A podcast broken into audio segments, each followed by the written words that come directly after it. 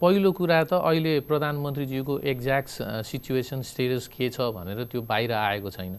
तर मलाई के लाग्छ भने उहाँको चाहिँ उहाँको दाँत फुकाल्नलाई सिङ्गापुर जान लाग्नु भएको होइन। उहाँ द बाह्र वर्ष भयो रिनल ट्रान्सप्लान्ट गरेको किडनी ट्रान्सप्लान्ट गरेको। डेटै इन्टरनेसनल डेटा हेर्ने हो भने पनि करिब करिब पचास प्रतिशत जति किडनीहरू चाहिँ दस वर्षमा ट्रान्सप्लान्टेड किडनी फेल हुन्छन्। उहाँको बाह्र वर्ष च चलिसकेको छ। भनेको यो जटिल सिचुएसन छ।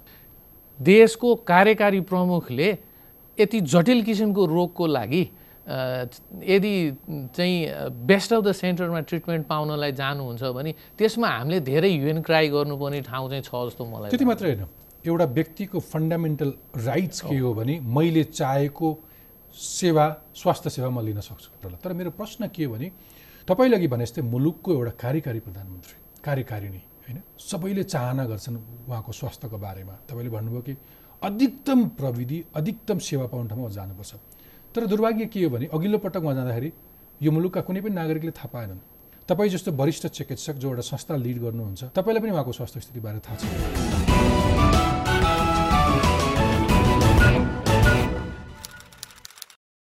Supported by Nepal Telecom, राष्ट्रको सञ्चार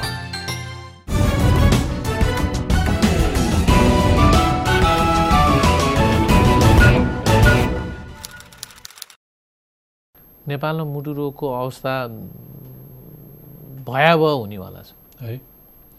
त्यसमा दुई तिनवटा कुरा छ। अब मुटु रोग भन्नासाथ हामीले सबै हार्ट एट्याकवाला मुटु रोग मात्रै भन्न ठान्छौँ यसलाई चाहिँ जेनरलाइज नगरेको जन्मजात हुने मुटु रोग बाथ मुटु रोग र चाहिँ मुटुका रगतको नलीहरू बन्द भएर हुने मुटु रोग भनौँ न जुन हार्ट एट्याक छ।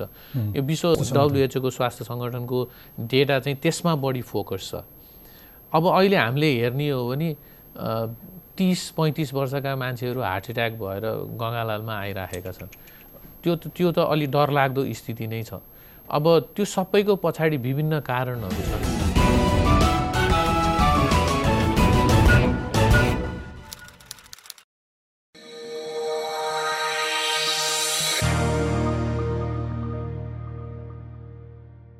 Supported by Nepal Telecom, राष्ट्रको सञ्चार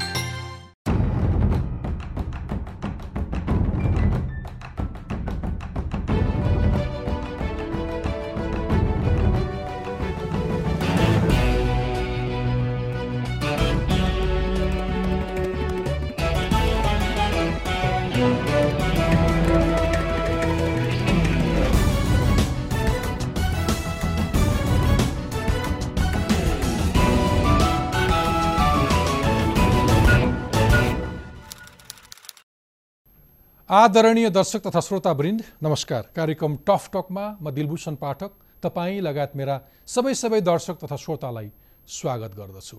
हिमालय टेलिभिजनमा हरेक बिहिबार साँझ नौ बजे प्रसारण हुने यो कार्यक्रम तपाईँ टफ टकको आफ्नो युट्युब च्यानलमा।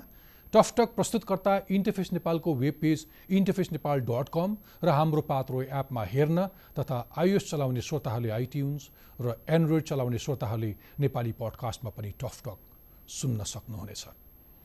यो साता नेपाल र भारतबीच व्यापार पारवन र रेल सेवा सम्बन्धी सन्धि सम्झौताहरू पुनरावलोकन गर्ने सहमति भएको छ। यसै गरी नेपाल आएका भारतीय विदेश मन्त्री एस जयशङ्करले प्रधानमन्त्री केपी शर्मा ओलीलाई भेटेर नेपाल भारत प्रबुद्ध समूहको प्रतिवेदन कार्यान्वयनमा भारत सकारात्मक रहेको समेत बताउनु भएको छ। उता सत्तारूढ नेकपाभित्र अध्यक्ष तथा प्रधानमन्त्री केपी शर्मा ओलीलाई एउटा पद छोड्न माग गर्दै वरिष्ठ नेता माधव नेपालले पार्टीमा सात बुँदे लिखित असहमति पेश गर्नुभएको छ। अब लागौँ आजको विषयतर्फ। प्रधानमन्त्री केपी शर्मा ओली सिङ्गापुरबाट फर्केको दुई साता नपित्दै आज पुनः सिङ्गापुर जानुभएको छ। बाह्र वर्ष अघि मृगौला प्रत्यारोपण गर्नुभएका प्रधानमन्त्री ओलीले यसपटक नयाँ औषधि परिवर्तन र मृगौलाको कार्यक्षमताको परीक्षणका लागि सिङ्गापुर जान लागेको जानकारी गराउनु भएको छ। स्वाभाविक रूपमा प्रधानमन्त्रीको स्वास्थ्यको ख्याल अधिकतम हुनुपर्छ र त्यसका लागि अधिकतम प्रविधियुक्त अस्पतालको चाहना गर्नुलाई अन्यथा लिन पनि नमिल्ला। तर अब नेपालमै पनि व्यवस्थित र सुविधा सम्पन्न अस्पतालहरू बन्ने क्रम बढेको छ। नेपालका चिकित्सकहरूले पनि चिकित्सा क्षेत्रमा उल्लेख्य उपलब्धि हासिल गरिरहेका छन्। शहीद गङ्गालाल अस्पताल मानव अङ्ग प्रत्यारोपण केन्द्र तिलगङ्गा आँखा अस्पताल धुलीखेल अस्पताल जस्ता स्वास्थ्य केन्द्रहरूले निकै राम्रो उपलब्धि हासिल गरिरहेका छन्। तर नेपालमा उच्च पदमा रहेका व्यक्तिहरूले उपचारका नाममा विदेश जान छोडेका छैनन्। कतिपय सर्वसाधारणहरू पनि भारत थाइल्यान्ड सिङ्गापुर लगायतका देशहरूमा उपचारका लागि जाने क्रम बढ्दो छ। यसले नेपालको उपचारप्रति अझै पूर्ण भरोसा नभइरहेको जस्तो भान हुन्छ नेपालको उपचार पद्धति कस्तो छ? किन ठालुहरूलाई उपचारका लागि विदेश नै जानुपर्छ? के नेपालमै सबै खालका सुविधा उपलब्ध हुन सक्दैनन्? नेपालका डाक्टरहरूको स्तर कस्तो छ? एउटा अस्पताललाई राम्रो बनाउन के गर्न सकिन्छ? राजनीतिक हस्तक्षेपले स्वास्थ्य क्षेत्रलाई कसरी प्रभाव पारेको छ? निजी र सरकारी अस्पतालहरूमा कस्ता विकृतिहरू छन्? यिनै प्रश्नहरूको जवाब खोज्न आज मसँग हुनुहुन्छ शहीद गङ्गालाल राष्ट्रिय हृदयरोग केन्द्रको कार्यकारी निर्देशकबाट। हालै अवकाश पाउनुभएका मुटु रोग सम्बन्धी विशेषज्ञ डाक्टर ज्योतिन्द्र शर्मा। नेपालकै एक प्रतिष्ठित मुटु रोग सर्जन समेत रहनुभएका डाक्टर शर्माले आफ्नो चार वर्षीय कार्यकालमा गङ्गालाल अस्पतालको सेवामा केही उल्लेखीय सुधार गर्नुभयो। अस्पतालको मासिक आम्दानी सात करोडबाट झन्डै दोब्बर तेह्र करोड पुर्याउनु भयो काठमाडौँ बाहिर पनि मुटु रोग अस्पतालको सेवा विस्तार गर्नुभयो। आउनुहोस् स्वागत गरौँ आजका मेरा अतिथि मुटु रोग सर्जन तथा शहीद गङ्गालाल राष्ट्रिय हृदयरोग केन्द्रका पूर्व कार्यकारी निर्देशक डाक्टर ज्योतिन्द्र शर्मालाई। डाक्टर शर्मा टकटकमा स्वागत छ। धन्यवाद। आराम हुनुहुन्छ? आराम छु। अहिले त अब त्यो कार्यकारी निर्देशकको पदबाट अवकाश लिइसकेपछि अलिक फ्री हुनुहुन्छ कि फेरि उही चटारो छँदैछ? अब प्रशासनिक कामबाट म फ्री भएको छु तर मेरो क्लिनिकल काम बिरामी जाँच्ने हेर्ने अपरेट गर्ने जुन जति पनि क्लिनिकल काम छ त्यो त म कन्टिन्यू गरि नै राखेको छु। ओके। म प्रधानमन्त्रीको सिङ्गापुर जाँदै गर्दाखेरि कति आवश्यकता थियो उहाँको स्वास्थ्यका लागि? हामी नेपालमा कति कस्तो उपचार दिन सक्छौँ? त्यसका बारेमा पछि आउँछु। म व्यक्तिगत यहाँकै सेरोफेरो बस्न मन लाग्यो। किन अवकाश लिनुभयो? चार वर्षको कार्यकाल पुरा गर्नुभयो? कार्यकारी निर्देशकको स्वास्थ्य मन्त्रीले अथवा सबैले? तपाईँ बसिरहनुहोस् फेरि यसलाई अर्को नयाँ उचाइ दिनुहोस्। हस्पिटललाई भन्दा भन्दै अलिकति अनिच्छा देखाउनु भयो किन? मलाई नेपाल सरकारले नियुक्त गर्दा चार वर्षको कार्यकालको लागि नियुक्त गरेको मेरो एउटा आफ्नो भिजन थियो मेरो आफ्नो सोच थियो। म यो अनुसार यो संस्थालाई यति गर्न सक्छु भन्ने थियो। मैले सोचेका मेजोरिटी कामहरू यो चार वर्षभित्रमै मैले गर्न सकेँ। सबैको सहयोग लिएर। अब एउटा चाहिँ अब कुनै कुनै काम मैले सकिनँ जुन मेरो क्षेत्रभित्र थिएन अधिकारभित्र थिएन। अब त्यो काम चाहिँ अधुरै रह्यो। तर मेजोरिटी काम सिद्ध्याएपछि त्यहाँ मैले नयाँ मभन्दा बेटर मान्छेलाई चाहिँ स्थान दिनुपर्छ भन्ने मलाई सोच आयो। त्यो हुनाले मैले मभन्दा बेटर मान्छे आएर त्यो संस्थालाई अझ माथि लैजाला भन्ने मलाई सोच आएको हुनाले मैले छोडेँ एउटा कारण। अर्को कारण चाहिँ यो हाम्रो समाजमा कार्यकारी पदमा कुनै व्यक्ति इमान्दार व्यक्ति किन बस्छ भन्ने एउटा सोच चाहिँ व्याप्त रहेछ। त्यसले मलाई घचघच्याइराख्यो। त्यो पदका लागि किन आसक्ति देखाउँछ? किन आसक्ति देखाउँछ? भन्ने किसिमको सोच चाहिँ यति धेरै गढेको रहेछ जनमानसमा। मलाई त्यसले पनि त्यहाँ बस्न मन लाग्यो त्यसो भए मन्त्रालयले चाहिँ तपाईँलाई के देखेर बढी आग्रह गर्यो? तपाईँको अलिकति ब्याकग्राउन्ड तपाईँ त्यही हस्पिटलमा अठार वर्षदेखि विशेष गरी मुटु शल्यक्रियामा तपाईँ अठार वर्षदेखि संलग्न हजुर। त्यो हस्पिटलको सर्जरी डिपार्टमेन्ट आठ वर्ष हेर्नुभयो। हजुर। पछिल्लो चार वर्ष कार्यकारी निर्देशक हुनुहुन्थ्यो। एक्सपिरियन्सको आधारले तपाईँको इमान्दारिताको आधारले अथवा भिजनको आधारले अथवा अरू नेतृत्वमा नेतृत्व लिन सक्ने मान्छेहरू नभएको कारणले किन अलिक बढी? अथवा अलिक बढी सम्बन्ध थियो मन्त्रीज्यूसँग? त्यस कारण उहाँले अलिक बढी आग्रह गरिरहनु भएको थियो यहाँलाई? मेरो विचारमा मन्त्रालयले मेरो कामको मूल्याङ्कन नै गरेको हो जस्तो मलाई लाग्छ। अब मन्त्रीज्यूसँग म नजिक हुने कुरा भएन। मलाई नियुक्त गर्दा तत्कालीन स्वास्थ्य मन्त्री खगराज अधिकारी एमालेको तत्कालीन एमालेको मन्त्रीज्यू हुनुहुन्थ्यो। अब अहिले चाहिँ फोरम समाजवादी पार्टीको चाहिँ उप प्रधानमन्त्री हुनुहुन्छ। भनेपछि त्यो दुइटाको कुनै लिङ्कै छैन। म ट्रु प्रोफेसनल हुँ। मलाई पोलिटिकल कनेक्सनै छैन। भनेपछि उहाँहरूले मेरो प्रोफेसनल कामलाई हेरेर मलाई त्यो इज्जत दिनुभएको हो भन्ने मलाई ओके अब फेरि म अर्को एउटा पक्ष चाहिँ के विश्वास गर्छु भने प्रोफेसनल्सहरूलाई चाहिँ प्रोफेसनल ठाउँमै काम गर्ने अवसर दिनुपर्छ। कति म्यानेजर कुराहरूले अल्मलाउँछ पनि होला। सम्भवतः तपाईँलाई कुनै एउटा मनमा लाग्यो होला कि मेरो एक्सपर्टिज भनेको प्रपर शल्यक्रिया गर्नुभयो। एउटा रोगीलाई प्राण दिनु हो। त्यसकारण म यो व्यवस्थापकीय पक्षमा अल्झिन मन लागेन भन्ने पनि मनमा कहीँ पऱ्यो होला। मेरा दर्शकलाई यो पनि भनिदिउँ कि तपाईँ आफू चाहिँ एमबिबिएसको गोल्ड मेडलिस्ट हुनुहुन्छ डक्टर होइन? जो चिकित्सा क्षेत्रमा एमबिबिएस गरेपछि डक्टरको उपाधि पाइन्छ त्यसमा तपाईँ गोल्ड मेडलिस्ट हुनुहुन्छ। एसएलसीमा पनि तपाईँ बोर्डमा आउनु भएको थियो। आइएससीमा पनि टपर कि second highest? Second second highest. Okay मलाई यो कुरा भनिदिनुहोस् कि एउटा चिकित्सकलाई चिकित्सक भएर अपरेसन थिएटरमा बस्दा मजा तपाईँ त मुटु छाती चिरेर मुटुमै काम गर्नुहुन्छ। ओपिडीमा भन्दा बढी त्यतातिर हार्ट सर्जनै हुनुभयो तपाईँ। त्यो मजा कि अलिअलि व्यवस्थापकीय एउटा संस्थाको लिडिङ पोजिसनमा बस्दै मजा। अलिकति भाउ पाइन्छ नि। त्यो दुइटा फरक पाटो हो। दुइटामा च्यालेन्जेस छन्। मलाई सोध्नुहुन्छ भने म चाहिँ सधैँभरि हार्ट सर्जन हुन चाहन्थेँ कार्डियाक सर्जन हुन चाहन्थेँ। त्यो मेरो लागि च्यालेन्ज हो र मेरो लागि अपर्च्युनिटी पनि हो। मैले अठार वर्ष मेरो विचारमा इमान्दारीपूर्वक बिरामीहरूको सेवा गर्ने मौका पाएँ। त्यो मेरो म म त्यसमा गौरव मान्छु। मलाई आज पनि सोध्नुहुन्छ भने मलाई सर्जन भएर काम गर्न चाहिँ बढी मन लाग्छ। तर सर्जनको आफ्नो लिमिटेसन्स हुँदो रहेछ। व्यवस्थापक नभइकन सुधार ल्याउन सकिँदैन। राइट त्यो सुधार लिएर आउनको लागि सर्जनले लिएर आउन सक्दैन। You have to be in the position त्यो पोजिसनमा भयो भने मात्रै तपाईँले चाहेको सुधार त्यो क्षेत्रमा ल्याउन सक्नुहुन्छ। भनेपछि म व्यवस्थापक भएर जति मैले चाहिँ चेन्जेस ल्याउन सकेँ म एज अ सर्जन मात्रै भएर त्यो ल्याउन सक्दिनँ थिएँ। त्यही हुनाले चाहिँ मैले दुइटै पोजिसनलाई चाहिँ इक्वल्ली इम्पोर्टेन्ट ठान्दछु। तपाईँले ठ्याक्कै मलाई त्यही बाटोमा पुर्याउनु भयो म जुन बाटोमा जान खोज्दै थिएँ। प्रधानमन्त्रीको स्वास्थ्य स्थिति अथवा उहाँको सिङ्गापुर भ्रमणको बारेमा म अझ पछि आउँछु। मैले तपाईँलाई सोध्न ठ्याक्कै खोजेको प्रश्न के हो भने नेपालका अस्पतालहरू हेऱ्यो भने एकछिन अहिले निजीलाई नहेरौँ। सरकारी अथवा अर्ध सरकारी अस्पतालहरू हेऱ्यो भने तिन ती अस्पतालहरूको शौचालय छोडिदिनुहोस्। तिनका वार्डहरूमा तपाईँ जानुभयो भने पनि प्रवेश गर्नै नसकिने अवस्था। न त सरसफाइ न त त्यसमा सेवा न त त्यो अरू व्यवस्थापकीय पक्षहरू देखिन्छ नि चुस्त दुरुस्त भन्ने। त्यो रेयरली देखिन्छ।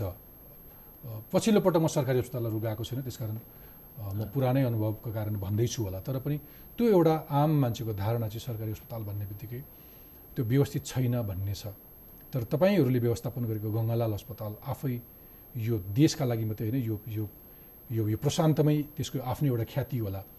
त्यो चाहिँ कति सजिलो काम हो? अथवा अरू सरकारी अस्पतालहरू किन त्यति व्यवस्थित लाग्दैनन्? मेरो विचारमा त्यसको सबैभन्दा इम्पोर्टेन्ट पाटो चाहिँ के हो भने यो जुन संस्कार अथवा जुन मेहनत छ त्यो सिकाएर सिकिने चिज होइन। गङ्गालालको सबैभन्दा ठुलो एडभान्टेज के भयो भने त्यो स्थापना कालदेखि नै त्यहाँ चाहिँ यङ डेडिकेटेड मान्छेहरूको समूह भयो। त्यहाँ डाक्टर नर्सिङ स्टाफ प्रशासनका मान्छेदेखि लिएर जति पनि रिलेटेड मान्छे थिए त्यहाँ सबै डेडिकेटेड मान्छे थिए र दे ह्याड टु प्रुभ कि यो देशमा मुटु अस्पताल बन्न सक्छ र चलाउन सकिन्छ भन्ने जुन विश्वास थियो त्यो विश्वासका साथ एकजुट भएर मान्छे अगाडि बढे जुन स्पिरिटले त्यसको फाउन्डेसन बनायो त्यसको डेमोक्रेसी। आउँदै। थियो मुलुकका आम नागरिकले स्वास्थ्य सेवा पाउन् र त्यसमा पनि मुटुको सेवा दिने कुनै पनि अस्पताल छैन भन्ने स्पिरिटले त्यसको फाउन्डेसनले गरियो त्यो त्यो त्यो त्यो ग्राउन्डले तपाईँहरूलाई अलिकति मोरली बुस्ट गर्यो बुस्ट गर्यो। हामी हामीले त्यो साथसाथै त्यो सँगसँगै लिडरसिप राम्रो पायौँ। हामीलाई बोर्डले सपोर्ट गर्यो नेपाल सरकारले सपोर्ट गर्यो बिरामीहरूले विश्वास गरे। भनेपछि त्यो एउटा मोमेन्टम गेन भइसकेपछि त्यसलाई अगाडि मुभ गराउनलाई चाहिँ सजिलो भयो। हामीले सुरु गर्दाको अवस्था हेर्ने हो भने हामी त त्यही छाला जुत्ता कारखानाकै चाहिँ बेसमा सुरु भयौँ। डोनेटेड अपरेसन थिएटरको सामानहरू लिएर सुरु गरेका थियौँ। तर हामीले धेरैले चाहिँ अरूलाई दोष लगाउने गर्छन्। पहिला आफूले गरेर देखाउनु पऱ्यो त्यसपछि नै अरूको सहयोग पाइन्छ। ओके। मलाई एउटा कुरा भनिदिनुहोस् तपाईँ तपाईँको कार्यकालमा तपाईँले आफ्नो कार्यकालको उपलब्धिको रूपमा लिनुभएको छ कि हस्पिटलको मासिक आम्दानी सात करोडबाट झन्डै डबल तेह्र करोड पुऱ्याएँ भनेर कहीँ भन्नुभएको थियो। यो चाहिँ तपाईँहरूको विश्वसनीयता बढेको अथवा तपाईँले व्यवस्थापन प्रपरली बढाउनु भयो अथवा मुटु रोगीहरू बढे के कारण? यो तिनटै पाटो हो। ओके जबसम्म व्यवस्थापन चुस्त दुरुस्त हुन सक्दैन तबसम्म रेभिन्यू बेटर हुन सक्दैन। अब त्यसमा चाहिँ म म मात्रै त्यो क्रेडिट लिन चाहन्न। त्यहाँ त्यहाँ भएका सबै काम गर्ने कर्मचारीहरूको एकमुष्ट एफर्टको कारणले भएको हो तर म लिडरसिप लिएको कारणले त्यसको त्यसको श्रेय चाहिँ मलाई पनि जानुपर्छ भन्ने मेरो भनाइ हो।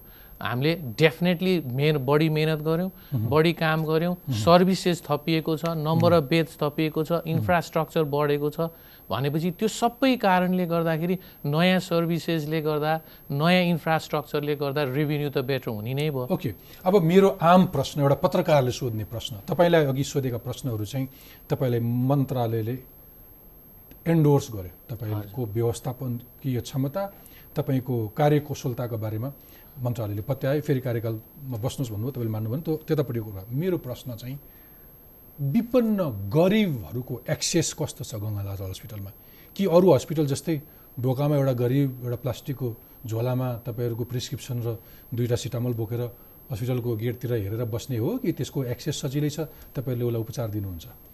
तिलभूषणजी यो केन्द्रमा कार्यरत म कर्मचारी र निवर्तमान कार्यकारी निर्देशक भएको हैसियतले गर्वका साथ के भन्छु भने आजको दिनमा पैसा नभएको कारणले कुनै पनि बिरामीले मुटु रोग सम्बन्धी सेवाबाट वञ्चित हुनुपर्ने अवस्था यो देशमा छैन। यो this is a strong statement र तर यो ट्रु हामीले गङ्गालालमा आउने कुनै पनि बिरामीले पैसा नभएर उपचारबाट वञ्चित हुनु पर्दैन। हाम्रो त्यस्तो मेकानिजम छ।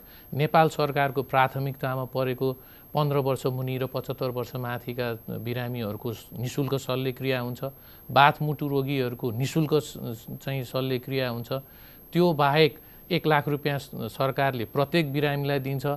अब अहिले त हामीले नेपाल सरकारसँग अनुरोध गरेर आकस्मिक सेवामा आउने बिरामी मात्रै आइपुगेको छ कोही पनि आइपुगेको छैन भनेर सुक्खा पैसा छैन भने पनि उसको सम्पूर्ण सेवाहरू निशुल्क हुन्छ। केन्द्रको आफ्नै च्यारिटीको प्रोसेस छ। गत आर्थिक वर्षमा नेपाल सरकारबाट एकतिस करोड पैँसठी लाख बराबरको निशुल्क सेवा बापतको रकम अनुदान हामीले पाएका छौँ। त्यो बाहेक केन्द्रको तर्फबाट पनि छ करोड जति हामीले चाहिँ त्यहाँनिर चाहिँ यसमा चाहिँ हालेको छौँ। भनेपछि आजको दिनमा पैसाको अभावले कुनै पनि बिरामीले कमसेकम मुटुको रोगबाट सेवाबाट वञ्चित हुनुपर्ने अवस्था मेरा सबै दर्शकले सुनिरहेछन् र परिस्थिति नआओस् अस्पताल अदालत जाने परिस्थिति नआओस् भन्छन्। समाज स्वस्थ होस् समाजमा समाजमा यसै पनि न्याय होस् भनेर। तर कुनै दिन कसैलाई त्यस्तो नपरोस्। हजुर। तपाईँले भनेको सेवा पाउनु कसैले पाउनु पर्दाखेरि। अरू एक्सिलेन्सहरू तपाईँले दाबी गर्दाखेरि गङ्गालाल हस्पिटलको दाबी गर्दाखेरि त्यसका एक्सिलेन्सेस अथवा त्यसको विशेषताहरूको बारेमा तपाईँले कुरा गर्नुभयो भने के के छ? यो हामीले मुटु सम्बन्धी अलमोस्ट सबै किसिमको सेवाहरू प्रदान गर्छौँ। संसारको कुनै पनि भूभागमा हुने मुटुलाई दिने सेवाहरू तपाईँले अलमोस्ट? Almost everything. जस्तो अहिले हामीले हार्ट ट्रान्सप्लान्ट गर्दैनौँ। अथवा चाहिँ हार्ट ट्रान्सप्लान्टको लागि युज हुने डिभाइसेसहरू हुन्छ त्यो अगाडि। मुटु प्रत्यारोपण चाहिँ हामी कहाँ हुँदैन। गर्न सकिन्छ होला तर हामीले चाहिँ त्यसमा त्यसको पहिला त लिगल इस्युज नै धेरै थियो। त हामीले अहिले त्यो सुरु गरेको छैनौँ। एउ- एउटा चाहिँ मुटु मुटुको ठाउँमा एउटा मुटुले काम गरेन भने प्रधानमन्त्रीको किडनी रिप्लेस गरे जस्तै त्यो मुटुको रिप्लेसमेन्ट नै भनौँ न सोझो लाटो भाषामा। त्यो चाहिँ अहिले गरिहालिएको छैन। त्योभन्दा बाहेक अरू सम्पूर्ण उपचार तपाईँले दिनुहुन्छ। सम्पूर्ण जस्तो त्यसको त्यसको इक्जाम्पल के हो भने अहिलेसम्म गङ्गालालमा यो चौबिस वर्षमा करिब करिब तेइस हजारहरू हार्ट सर्जरी भइसक्यो सत्तरी हजार क्याथ प्रोसिड्युर्स भइसकेको छ। सत सत्र लाख बिरामीले चाहिँ ओपिडीबाट सेवा पाएका छन्। अलमोस्ट एभ्रिथिङ छ। Okay. दुई चारवटा एकदम न्युली एडभान्स टेक्नोलोजी हामी कहाँ छैन तर त्यो पनि बिस्तारै भित्रिँदैछ। ओके योभन्दा बाहेक तपाईँले आफ्नो कार्यकालमा यो काठमाडौँको सेवा चाहिँ म बाहिर जिल्लामा पनि लान्छु भनेर काहीँ भन्नुभएको थियो? यो बिचमा केही भयो पनि? मेरो म चाहिँ कार्यकारी निर्देशक भएदेखिको मेरो भिजन चाहिँ यो सेवालाई विस्तार गर्नुपर्छ विकेन्द्रीकरण गर्नुपर्छ। त्यसको दुईवटा फाइदा हुन्छ। एउटा चाहिँ बिरामीले आफ्नै गाउँघरमा त्यो सेवा पाउँछन्। उनीहरूलाई कस्ट पनि कम हुन आउँछ। दोस्रो कुरा चाहिँ बिरामीको चाप चाहिँ गङ्गालालमा कम हुनासाथ यहाँ जो चाहिँ अत्यावश्यक चाहिने एकदम अलिकति कठिन खालका जटिल खालका केसलाई चाहिँ हामीले कन्सन्ट्रेट गर्न पाउँछौँ। सजिलो रोगहरू तलै चाहिँ सेवा पाएपछि ती हामी कहाँ आइपुग्दैनन् भन्ने विचारले प्रत्येक प्रदेशमा एटलिस्ट एउटा चाहिँ केन्द्र ज अहिले हामीले जनकपुरमा खोलेका छौँ। प्रत्येक प्रदेशमा एउटा शाखा विस्तार गर्ने लक्ष्यका साथ हामी अगाडि बढाएका छौँ। जनकपुरमा हामीले शाखा विस्तार गरिसक्यौँ सेवा दिन सुरु गरिसक्यौँ. र यसै गरी प्रत्येक प्रदेशमा चाहिँ हामी पुर्याउने लक्ष्य छ। तपाईँले काहीँ चिकित्सक उत्पादन गर्ने इन्स्टिच्युट पनि बनाउने अथवा चिकित्सक उत्पादन गर्ने इन्स्टिच्युटको रूपमा पनि विकास गर्ने गङ्गालाललाई भनेर भन्नुभएको थियो। केही भए? मैले मेरो कार्यकालमा गर्न नसकेको एउटा काम त्यही हो त्यो चाहिँ मेरो क्षेत्राधिकारभित्र थिएन। मैले दुईचोटि सञ्चालक समितिबाट यो एजेन्डालाई पास गरेर मन्त्रालयमा मैले लिखित रूपमा दिएको छु। तर यो हाम्रो ऐनबाट बनेको संस्था हो गङ्गालाल हस्पिटल। त्यो त ऐन नै परिवर्तन गर्ने हो। मबाट हुन सक्ने थिएन। त्यो मैले कोसिस चाहिँ गरेँ तर यो चाहिँ नेपाल सरकारले नै गर्नुपर्ने चिज हो। ओके अब म प्रधानमन्त्रीको स्वास्थ्य स्थितिको बारेमा कुरा गर्न चाहन्छु। तपाईँले मुटुको अथवा मुटु रोग सम्बन्धी स्वास्थ्य सेवाहरूमा तपाईँले दाबी गरे जस्तै कुनै समय मेरो सोमा आएर किडनी रोगको क्षेत्रमा पनि भएका उल्लेखीय प्रगतिको बारेमा एकजना चिकित्सकले यसरी नै भन्नुभएको थियो। अहिले यही सन्दर्भ ठ्याक्क प्रधानमन्त्रीज्यू आफ्नो किडनी उपचारका सिलसिलामा सिङ्गापुर जानुभयो। यो एक डेढ हप्ताको बिचमा दोहोऱ्याएर जानुभयो। यो उपचार नेपालमै हुन सक्थ्यो। भलै तपाईँको क्षेत्रभन्दा फरक कुरा गरिरहेको होला एउटा मुटु रोग विशेषज्ञलाई मैले किडनीको कुरा गरिरहेको छु होला। तर त्यस्तो केही सम्भावना हुन्थ्यो नेपालमै? तपाईँको धारणा के अब यसमा म आई आई थिङ्क यसमा मैले क्लियर गर्नुपर्ने जरुरत छ जस्तो लाग्छ दिलभूषणजी पहिलो कुरा त अहिले प्रधानमन्त्रीज्यूको एक्ज्याक्ट सिचुएसन स्टेटस के छ भनेर त्यो बाहिर आएको छैन। त्यही हुनाले मैले त्यसलाई चाहिँ अनुमान गर्नु मात्रै हुन्छ त्यसको त्यो त्यो कुरामा। तर मलाई के लाग्छ भने उहाँको चाहिँ उहाँको दाँत फुकाल्नलाई सिङ्गापुर जान लाग्नु भएको होइन।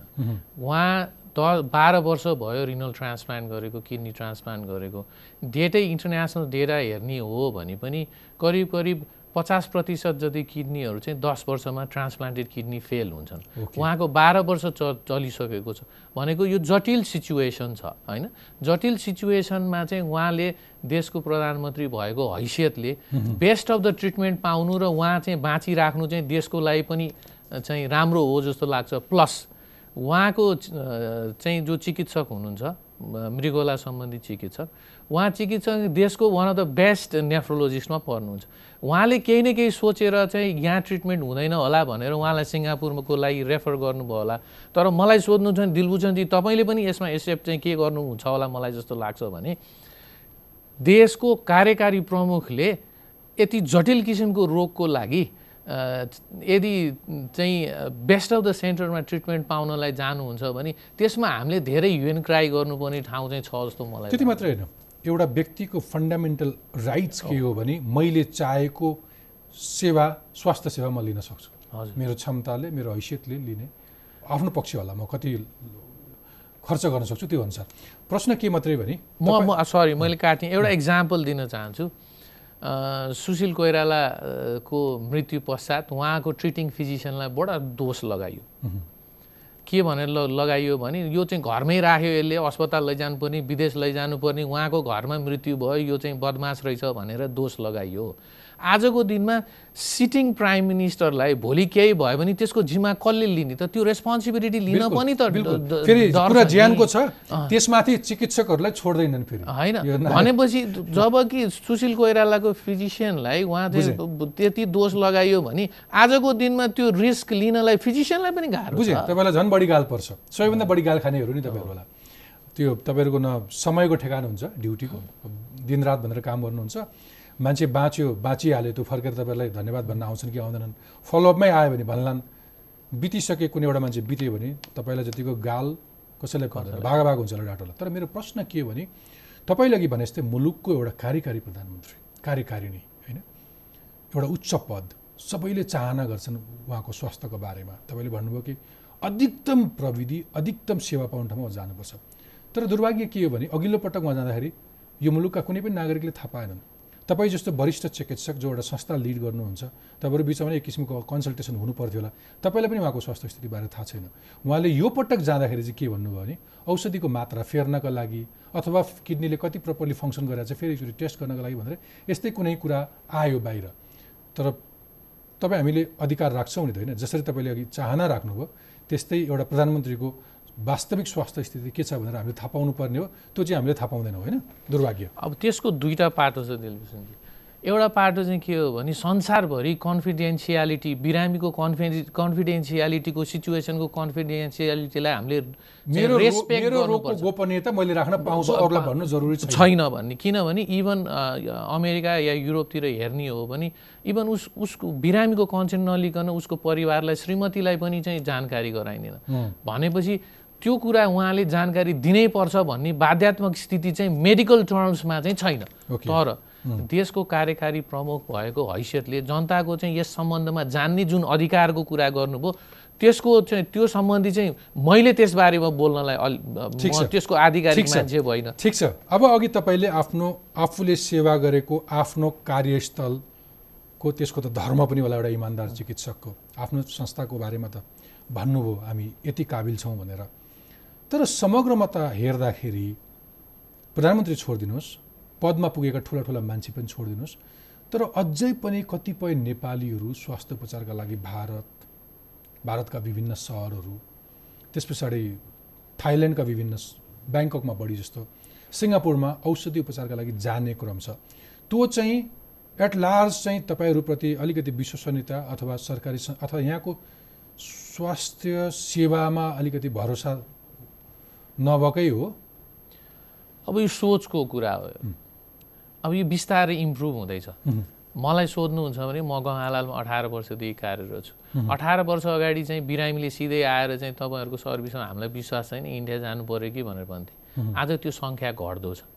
यो त अरूले हाम्रो लागि गरिदिने होइन नि। हामीले नै गरेर प्रुभ गर्नुपर्ने हो नि त। आजको दिनमा गङ्गालाल आज जुन स्थितिमा आइ आइपुग्यो त्यसमा त हामीले आफूले एफोर्ट लगाएको हो नि त। होइन आफूले एफोर्ट लाएर के प्रुभ गर्नु पर्यो हामीले चाहिँ जनतालाई के विश्वास दिलाउन सक्नु पर्यो भने हामीले दिएको सर्भिस चाहिँ एट पार छ विदेशकोसँग एट पार छ भन्ने चाहिँ गर्नु पर्यो अब हामी ल्याक गर्ने म अनेस्टली के एक्सेप्ट गर्छु भने हाम्रो सर्भिसेस चाहिँ एट पार इन्टरनेसनल स्ट्यान्डर्डको छ एक्सेप्ट नयाँ प्रविधि जुन आछन् त्यसमा चाहिँ सबै क्षेत्रमा अलिकति हामी पछाडि आउँला। मेजोरिटी चिजमा आजको दिनमा देशमा सबै किसिमको उपचारहरू अप उपलब्ध छ। तर हामी केमा ल्याक गर्छौँ? भन्दाखेरि हाम्रो रिसर्चमा चाहिँ हामी ल्याक गर्छौँ। हाम्रो रिसर्च चाहिँ जुन लेभलमा हुनुपर्ने हो हामीले जुन लेभलको काम गर्छौँ त्यो लेभलको रिसर्च अनुसन्धान हामी कहाँ छैन। त्यो चाहिँ कम छ हामी कहाँ। त्यसो भए फेरि अब ओभरअलै भनिदिनुहोस्। अघिकै उसमा बस्दाखेरि त्यो ओभरअल संस्थाहरूको विश्वसनीयता अलिकति नबढेको हो भन्ने प्रश्नमा तपाईँको यो जवाब थियो। त्यसै अब मलाई भनिदिनुहोस् पछिल्लो केही वर्षहरूमा नेपालकै सरकारी अथवा अर्ध सरकारी अथवा निजी क्षेत्रका अस्पतालहरूको गुणस्तर चाहिँ कुन तहमा बढेको? वास्तवमै बढ्या हो कि विज्ञापन मात्र हो? अब त्यसलाई चाहिँ जेनरलाइज गर्न अलिकति अप्ठ्यारो छ। अहिले पनि हामीले हेऱ्यौँ भने गाउँको अस्पताल या जिल्लाको अस्पताल हेऱ्यौँ भने म आफै गएँ भने पनि त्यहाँ अवस्था अलिकति पथेटिक नै छ सर्टेन ठाउँमा? जिल्लाहरूमा। जिल्लाहरूमा दुर्गम। ठाउँहरूमा। होइन? तर सेन्ट्रल हस्पिटल्सहरू जति पनि छ त्यो त्यसको स्तर बिस्तारै वृद्धि माथि आउँदैछ। त्यहाँ जनशक्ति पनि बेटर ट्रेन्ड आउँदैछन्। इन्फ्रास्ट्रक्चर डेभलप हुँदैछ। तर ह्याभ वी डन इनफ हामीले चाहिँ चाहिँ त्यो त्यो देशमा स्वास्थ्य स्थितिलाई चाहिँ राम्रो बनाउनलाई हामीले सम्पूर्ण रूपले चाहिँ त्यहाँ सेवा विस्तार गरेका छौँ त हामीले त्यो सेवा दिएका छौँ त भन्ने इज अ बिग क्वेसन मेरो मलाई सोध्नुहुन्छ भने अनेस्टली म तपाईँलाई यो क्षेत्रमा एउटा कार्यकारी पदमा पनि बसिसकेको र चाहिँ यो देशको जिम्मेवार नागरिक र शल्य चिकित्सकको हैसियतले म तपाईँलाई के भन्नु भन्न सक्छु भने हामीले गर्नुपर्ने जति गरेको छैन। ओके गर्नुपर्ने ठाउँ छ। तर म अझ अलिकति होप यो सोमा कहिले कहिले होपको कुरा गर्छु। तपाईँलाई आज निम्ता गरेको कारण पनि त्यही हो। तर पछिल्लो समय केही हस् तपाईँ आफैले काम गर्नुभएको हस्पिटलको कुरा गर्नुभएको गङ्गालाल हस्पिटल धुलीखेलको हस्पिटल हजुर। भक्तपुरको किडनी हस्पिटल होइन? त्यस पछाडि पछि आएका निजीहरूको नाम लियो भने यसमा फेरि पूर्वाग्रह जस्तो देखिन सक्छ तर पनि केही नामै लिनु पऱ्यो भने ग्रान्डी मेडिसिटी नर्वेक ह्याम्स जस्तो जो ठुला निजी हस्पिटलहरू आए नि यसले गर्दाखेरि चाहिँ नेपाली बिरामीहरू उपचारका लागि भनेर विदेश जाने क्रम चाहिँ अब घट्यो घट्दो छ। बिरामीको जाने क्रम अवश्य घट्या छ तर बिरामीको अप्रोच हस्पिटल आइ आइपुग्ने सङ्ख्या पनि बढ्या छ। त्यो हुनाले चाहिँ नम्बर बढी चाहिँ देखिन्छ। अथवा अब हामी काठमाडौँको मात्रै कुरा नगरौँ न अब महेन्द्रनगरको मान्छेको कुरा गरौँ न महेन्द्रनगरको बोर्डर नजिकै छ। हामीले त्यहाँनिर यदि चाहिँ सरकारी अस्पतालमा राम्रो सेवा दिन सकेनौँ भने त अभियसली नजिकै इन्डिया जान्छ नि त। भनेको मेरो भनाइ चाहिँ के हो भने हामी प्राइभेट हस्पिटल्सलाई भन्दा पनि सरकारी अस्पताललाई चाहिँ राम्रो बनाउनु पऱ्यो जब सरकारी अस्पताल राम्रो हुन्छ सरकारी अस्पतालले गुणस्तर राम्रो भएर आउँछ गुणस्तरीय सेवा दिन्छ प्राइभेट हस्पिटललाई त यसै च्यालेन्ज हुन्छ नि। आजको दिनमा म त्यसको इक्जाम्पल के दिन्छु भने गङ्गालालमा हामीले गुणस्तरीय सेवा दिएको हुनाले प्राइभेटमा कार्डियाक सर्जरी या कार्डियोलोजीको सेवा चाहिँ जति चाहिँ हुनुपर्ने हो त्यति छैन। बिकज सबै most of the services free छ। र हामीले गुणस्तर सेवा दिएका छौँ भने मान्छे किन प्राइभेटमा जान्छ? भनेपछि हाम्रो उद्देश्य चाहिँ जति पनि सरकारी अस्पताल छ त्यसलाई स्ट्रेङ्थेन गर्नुपर्छ। ओके त्यो एउटा पक्ष भयो। तर अब अरू नेपालका अरू सरकारी हस्पिटलहरूमा हेऱ्यो भने त्यहाँभित्र चाहिँ भिआइपी कक्षहरू छन्। हजुर। गङ्गालालमा पनि छ। हामी कहाँ भिआइपी तपाईँकोमा छैन? वीर हस्पिटलमा छ। वीर हस्पिटलमा छ। त्यो चाहिँ भिआइपीहरूको उपचारका लागि भनेर बनाइएको उयो होटेलको स्विट रुम जस्तै विशेष कक्ष छ। आउँछन् त्यहाँ बिरामीहरू? भिआइपीहरू आउँछन् त्यहाँ? वीर हस्पिटलमा कहिलेकाहीँ भर्ना भएको सुनिन्छ यता कता अब म त्यहाँ काम नगर्ने कुनै भ्रष्टाचारको अभियोगमा पुऱ्याइहाल्यो भने त्यता लगिन्छ होला। त्यो अब होइन अब म के म अहिले म के इक्जाम्पल दिन सक्छु भने अब म त्यहाँ नजाने हुनाले एक एकचोटि चाहिँ तत्कालीन स्वास्थ्य मन्त्री गिरिराज मणि पोखरेल हुनुहुन्थ्यो। उहाँ बिरामी हुनुभयो त उहाँ त्यहीँ भर्ना हुनुभएको थियो। म त्यहाँ एकचोटि भेट्न गएको छु। त्यही भएर मैले उहाँलाई त्यसमा एउटा सकारात्मक कुरा पनि गरौँ। हामी प्रायः नकारात्मक मात्रै पछिल्लो समय चाहिँ पदमा पुगेका अथवा राजनीतिक कर्मीहरू पनि पहिले दाँत देखाउन भा विदेश जानेहरू आजभोलि अलिक कम छ।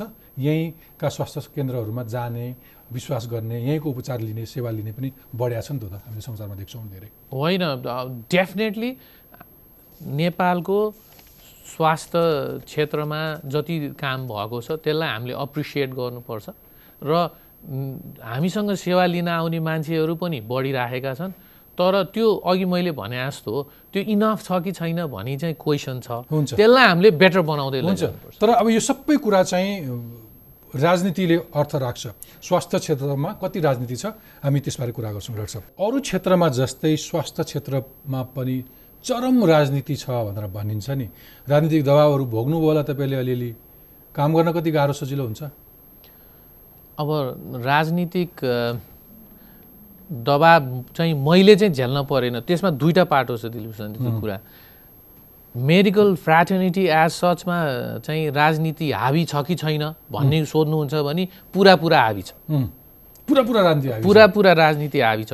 झन्डा बोकेका डाक्टरहरू चाहिँ यहाँ ठुला ठुला स्वरले ठुला ठुला चाहिँ झन्डा बोकेर। हिँडेका छन्। मलाई सोध्नुहुन्छ भने प्रोफेसनल मान्छे पोलिटिक्समा इङ्गेजै हुनु हुँदैन एब्सोल्युटली त्यो जति पनि प्रोफेसनल डाक्टर छन् तिनले चाहिँ पोलिटिक्स गर्न पाउनु हुँदैन। दुर्भाग्य हाम्रै। क्षेत्रमा पनि हाम्रै पत्रकारहरू पनि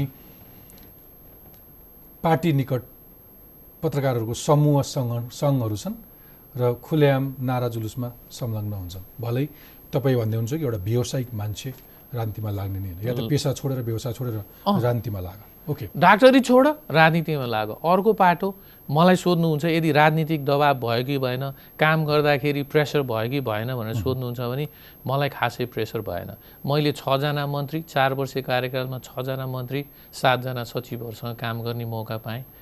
मलाई खासै दबाब किन भएन भने उहाँहरूले पहिल्यै हाम्रो कामको इभ्यालुएसन गर्नुभएको थियो कि अथवा चाहिँ हाम्रो इन्स्टिच्युटको इभ्यालुएसन गर्नुभएको थियो कि दबाब कसैले दियो भने पनि त्यसलाई त डिफेन्ड गर्न सक्नु पऱ्यो कसैले दबाब दियो भने त्यसलाई एक्सप्लेन गर्न सक्नु पऱ्यो मैले चाहिँ त्यो दबाब फिल गरिनँ। तर तपाईँलाई अघि तपाईँले भने जस्तो मानौ म कुलमानजी सम्झिन्छु एनइएमा छजना स्वास्थ्य मन्त्री भोग्नुभयो तपाईँ आफैले।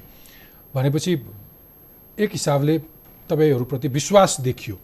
तर त्यो धेरै काम गर्न चाहने तपाईँ जस्तै इमान्दार जुझारु अ, प्रोफेसनलहरूले त त्यो गलत राम्रो नेतृत्व नपाएका कारण राजनीतिमा बस्ने अथवा मन्त्रालयमा बस्ने मन्त्रीहरू गतिला नभएका कारण दुःख पनि पाएका घटनाहरू छन् नि छैन? अब मेरो पर्सनल एक्सपिरियन्समा मैले दुःख पाइनँ। तर त्यो चाहिँ दुःख पाएँ भन्ने मान्छेले दुःख पाएँ भन्दा पनि त्यसलाई चाहिँ प्रुभ गरेर देखाउन सक्नु पऱ्यो नि त काम त गर्नु पऱ्यो नि। काम गर्ने मान्छेलाई चाहिँ हतपति दुःख दिँदैनन् रहेछन् भन्ने चाहिँ। मै हो एक्जाम ओके। तपाईँ आफू काम गर्ने गङ्गालालमा चाहिँ राजनीति कति हुन्छ संस्थाभित्र?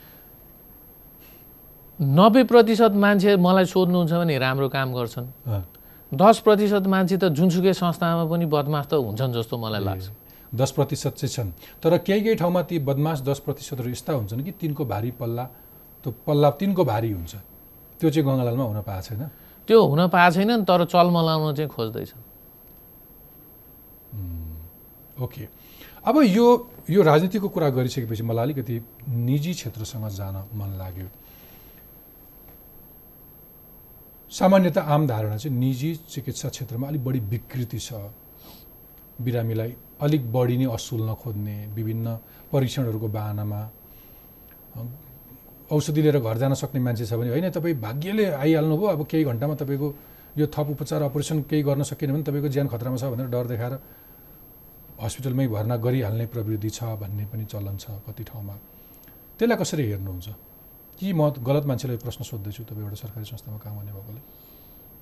होइन। त्यसलाई त्यसलाई चाहिँ सबै नकारात्मक रूपले मात्रै हेर्नुपर्छ भन्ने छैन। सबै डाक्टर या सबै संस्था चाहिँ बदमासै छन् भन्ने छैन।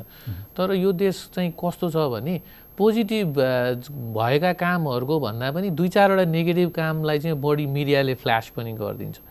गङ्गालालमा त्यस तेइस हजारवटा अपरेसन भयो भनेर कसैले पनि लेख्दैन। तर एउटा बिरामीको मृत्यु भयो र कसैले कम्प्लेन गर्यो भने त्यो हेडलाइन न्युजमा। वाचडगको रोल पनि होइन?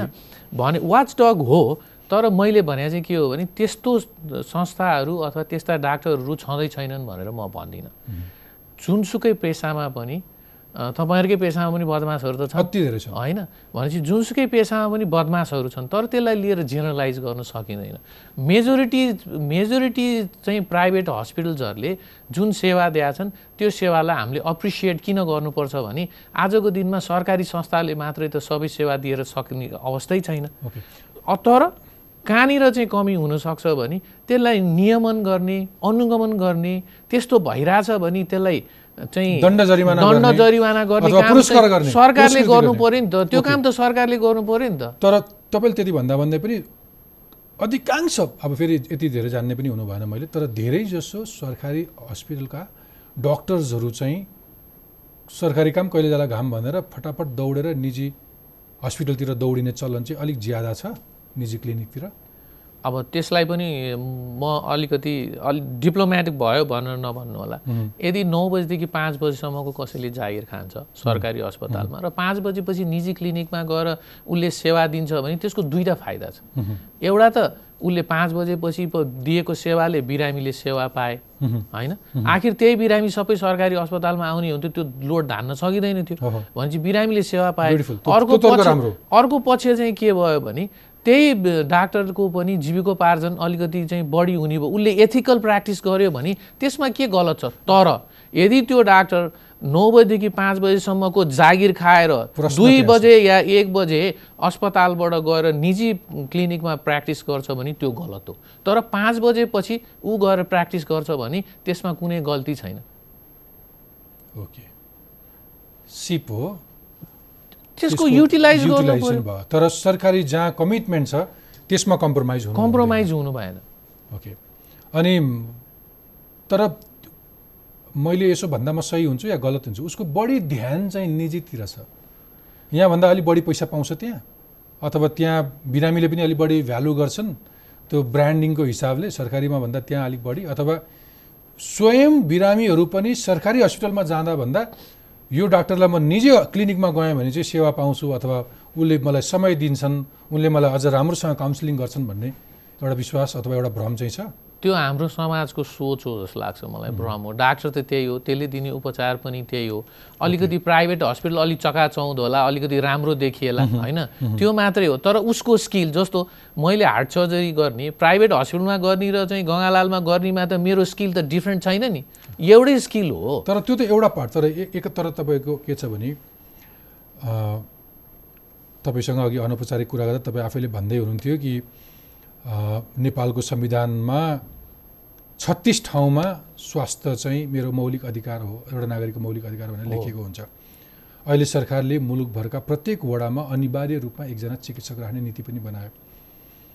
तर सरकारले त डाक्टर पुऱ्याउन सकिरहेको छैन। सबै डाक्टरले काठमाडौँमा बस्नुपर्नेछ यहाँका निजी क्लिनिकमा सर्भिस गर्नुपर्नेछ अनि तपाईँले अघि भने जस्तै त्यो सिपको युटिलाइज गर्नुपर्नेछ अथवा आफ्ना लागि मेरा बाबुआमाले अधिकतम गरेको लगानीको प्रतिफल पनि उठाउनु पर्नेछ कति सजिलो छ अथवा हामी दुर्गममा डाक्टरहरू पुर्याउन अरू कुनै त्यस्तो विधि छ? तपाईँले कुनै त्यस्तो सूत्र जान्नु भएको छ?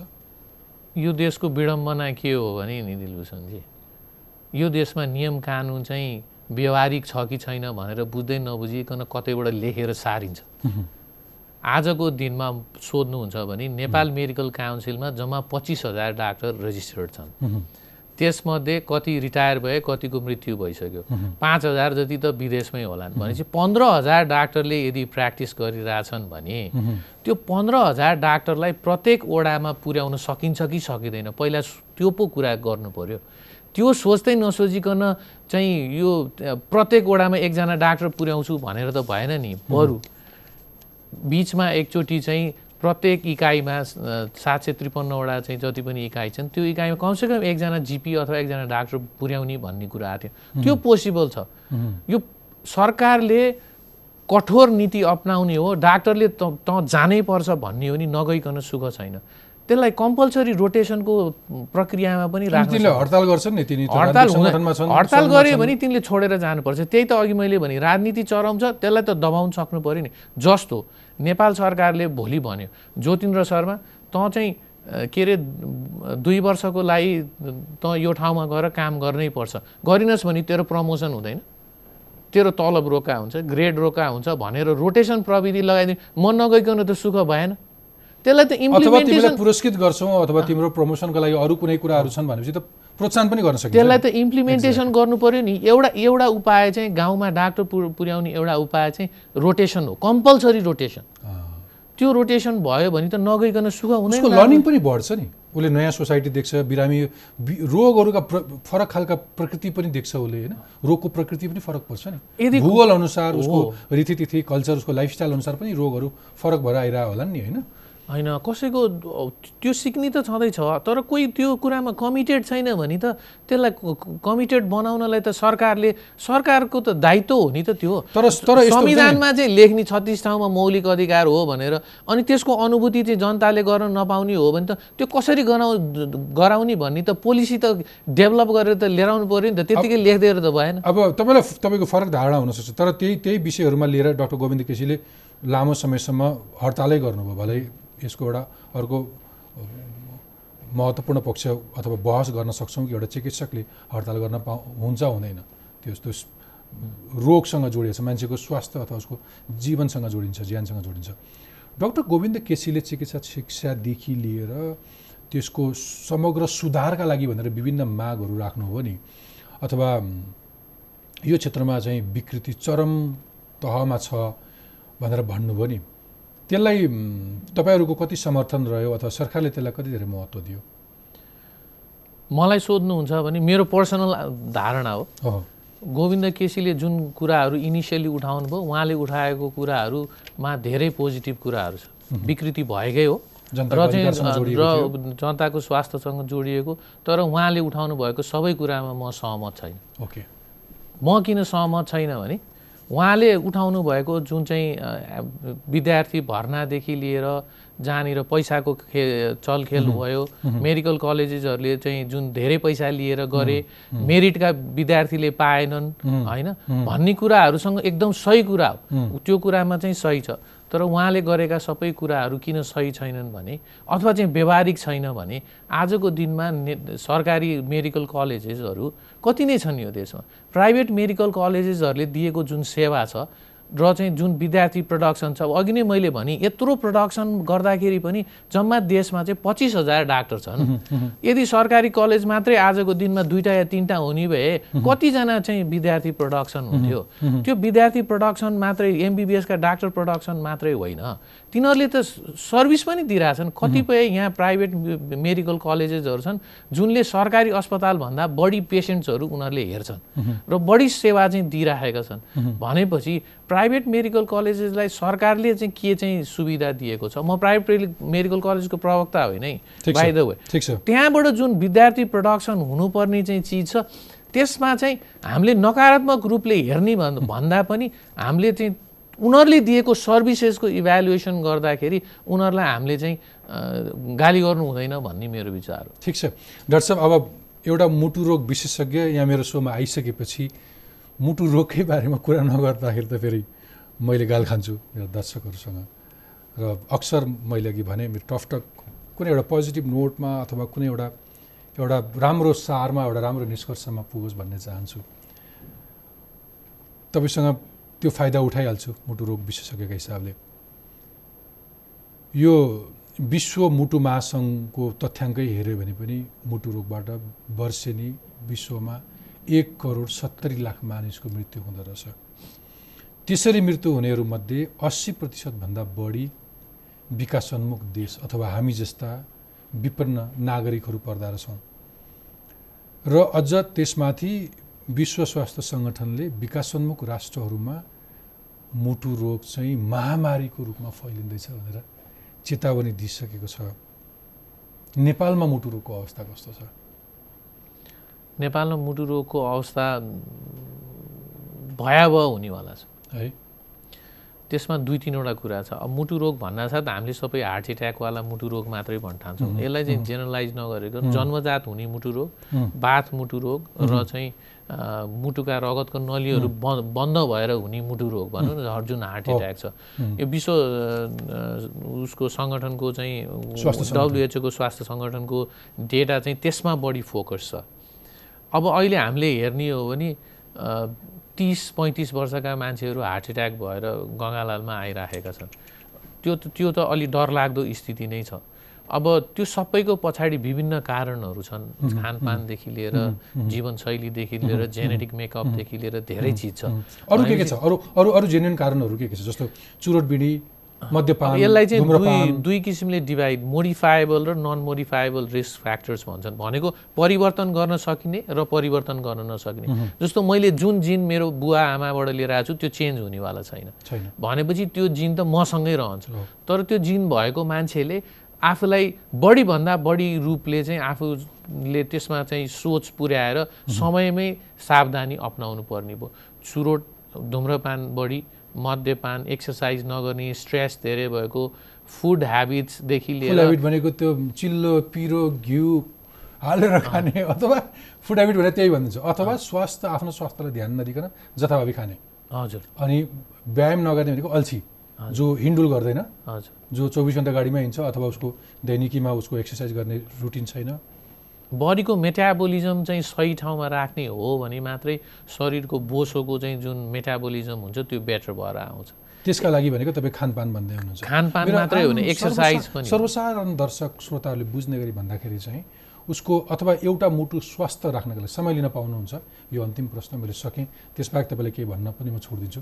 तर मेरो अन्तिम प्रश्न हामीले हाम्रो मुटु स्वस्थ राख्न अथवा समग्र स्वस्थ रहनको लागि के के गर्नुपर्छ डाक्टर साहब यदि कोही व्यक्तिले चाहिँ हामीले भने जस्तरी जीवनशैली चलाइरहेछ भने ठिकै छ। होइन भने चाहिँ सकारात्मक जीवनशैली परिवर्तन भन्छौँ हामी। त्यो भनेको चाहिँ के हो भने यदि तपाईँले धुम्रपान गर्नुहुन्छ भने त्यो त्याग्नु पर्यो छोड्नु पर्यो। ओके। मद्यपान गर्नुहुन्छ भने छोड्नु पर्यो। तपाईँ एक्सर्साइज कम गर्दै लानु कतिलाई कम गर्दै लानु गर्दै लानु पर्यो।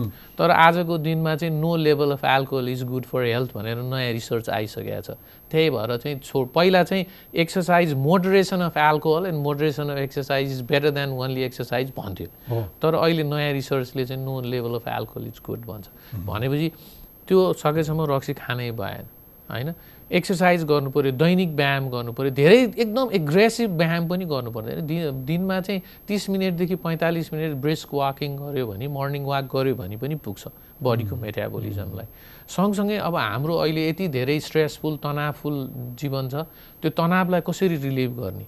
त्यो पनि अर्को इम्पोर्टेन्ट पार्ट तनाव एउटा अर्को महत्त्वपूर्ण फ्याक्टर होइन? तनावलाई चाहिँ सकेसम्म चाहिँ रिलिभ गर्नु पऱ्यो त्यसको पनि डाइरेक्ट कोरिलेसन छ हार्ट डिजिजमा। अब त्यो सँगसँगै हामीले डायबिटिज भएको छ भने समयमा उपचार गर्नु पऱ्यो औषधि खानु पऱ्यो इन्सुलिन लगाउनु पऱ्यो किनभने त्यो मेजर रिस्क फ्याक्टर हो। यदि ब्लड प्रेसर हाई छ भने त्यसको समयमा औषधि खानु पऱ्यो हामीले नेपाली नेपालमा एउटा ट्याबु छ। ब्लड प्रेसरको औषधि खायो भने खानै हुँदैन। त्यो सधैँभरि चाहिँ खानुपर्छ भन्छन् अब बाँचे पो खानु त। बाँच्दै नबाँचे भने त के औषधि खानु होइन? भनेपछि बाँच्नको लागि पनि त्यो औषधि खानु पऱ्यो ब्लड प्रेसर कन्ट्रोल गर्नु पऱ्यो कोलेस्ट्रोल हाई छ भने त्यसको औषधि खानु पऱ्यो भनेपछि एउटा चाहिँ ट्रिटमेन्ट मोडालिटिजमा भएको पार्टलाई पनि एड्रेस गर्नु पऱ्यो सँगसँगै आफ्नो जीवनशैली पनि परिवर्तन गर्नु पऱ्यो त्यसलाई हामीले दुइटैलाई कम्बाइन गरेर अगाडि लैजान सक्यौँ भने हामीले मुटुलाई स्वस्थ राख्न सक्छौँ। हुन्छ डाक्टर साहब मेरो पटक पटकको आग्रहपछि बल्ल कार्यक्रमका लागि आइदिनु भयो तपाईँको महत्त्वपूर्ण समय र विचारका विचारका लागि धेरै धेरै धन्यवाद दिन चाहन्छु। तपाईँको कुशलता अथवा कार्यकुशलता अथवा तपाईँको क्षमता अरू बढोस् अरू बिरामीहरूले अथवा नेपालीले तपाईँको सेवा लाभ लिन सकुन्। मेरो शुभकामना छ साहब। धन्यवाद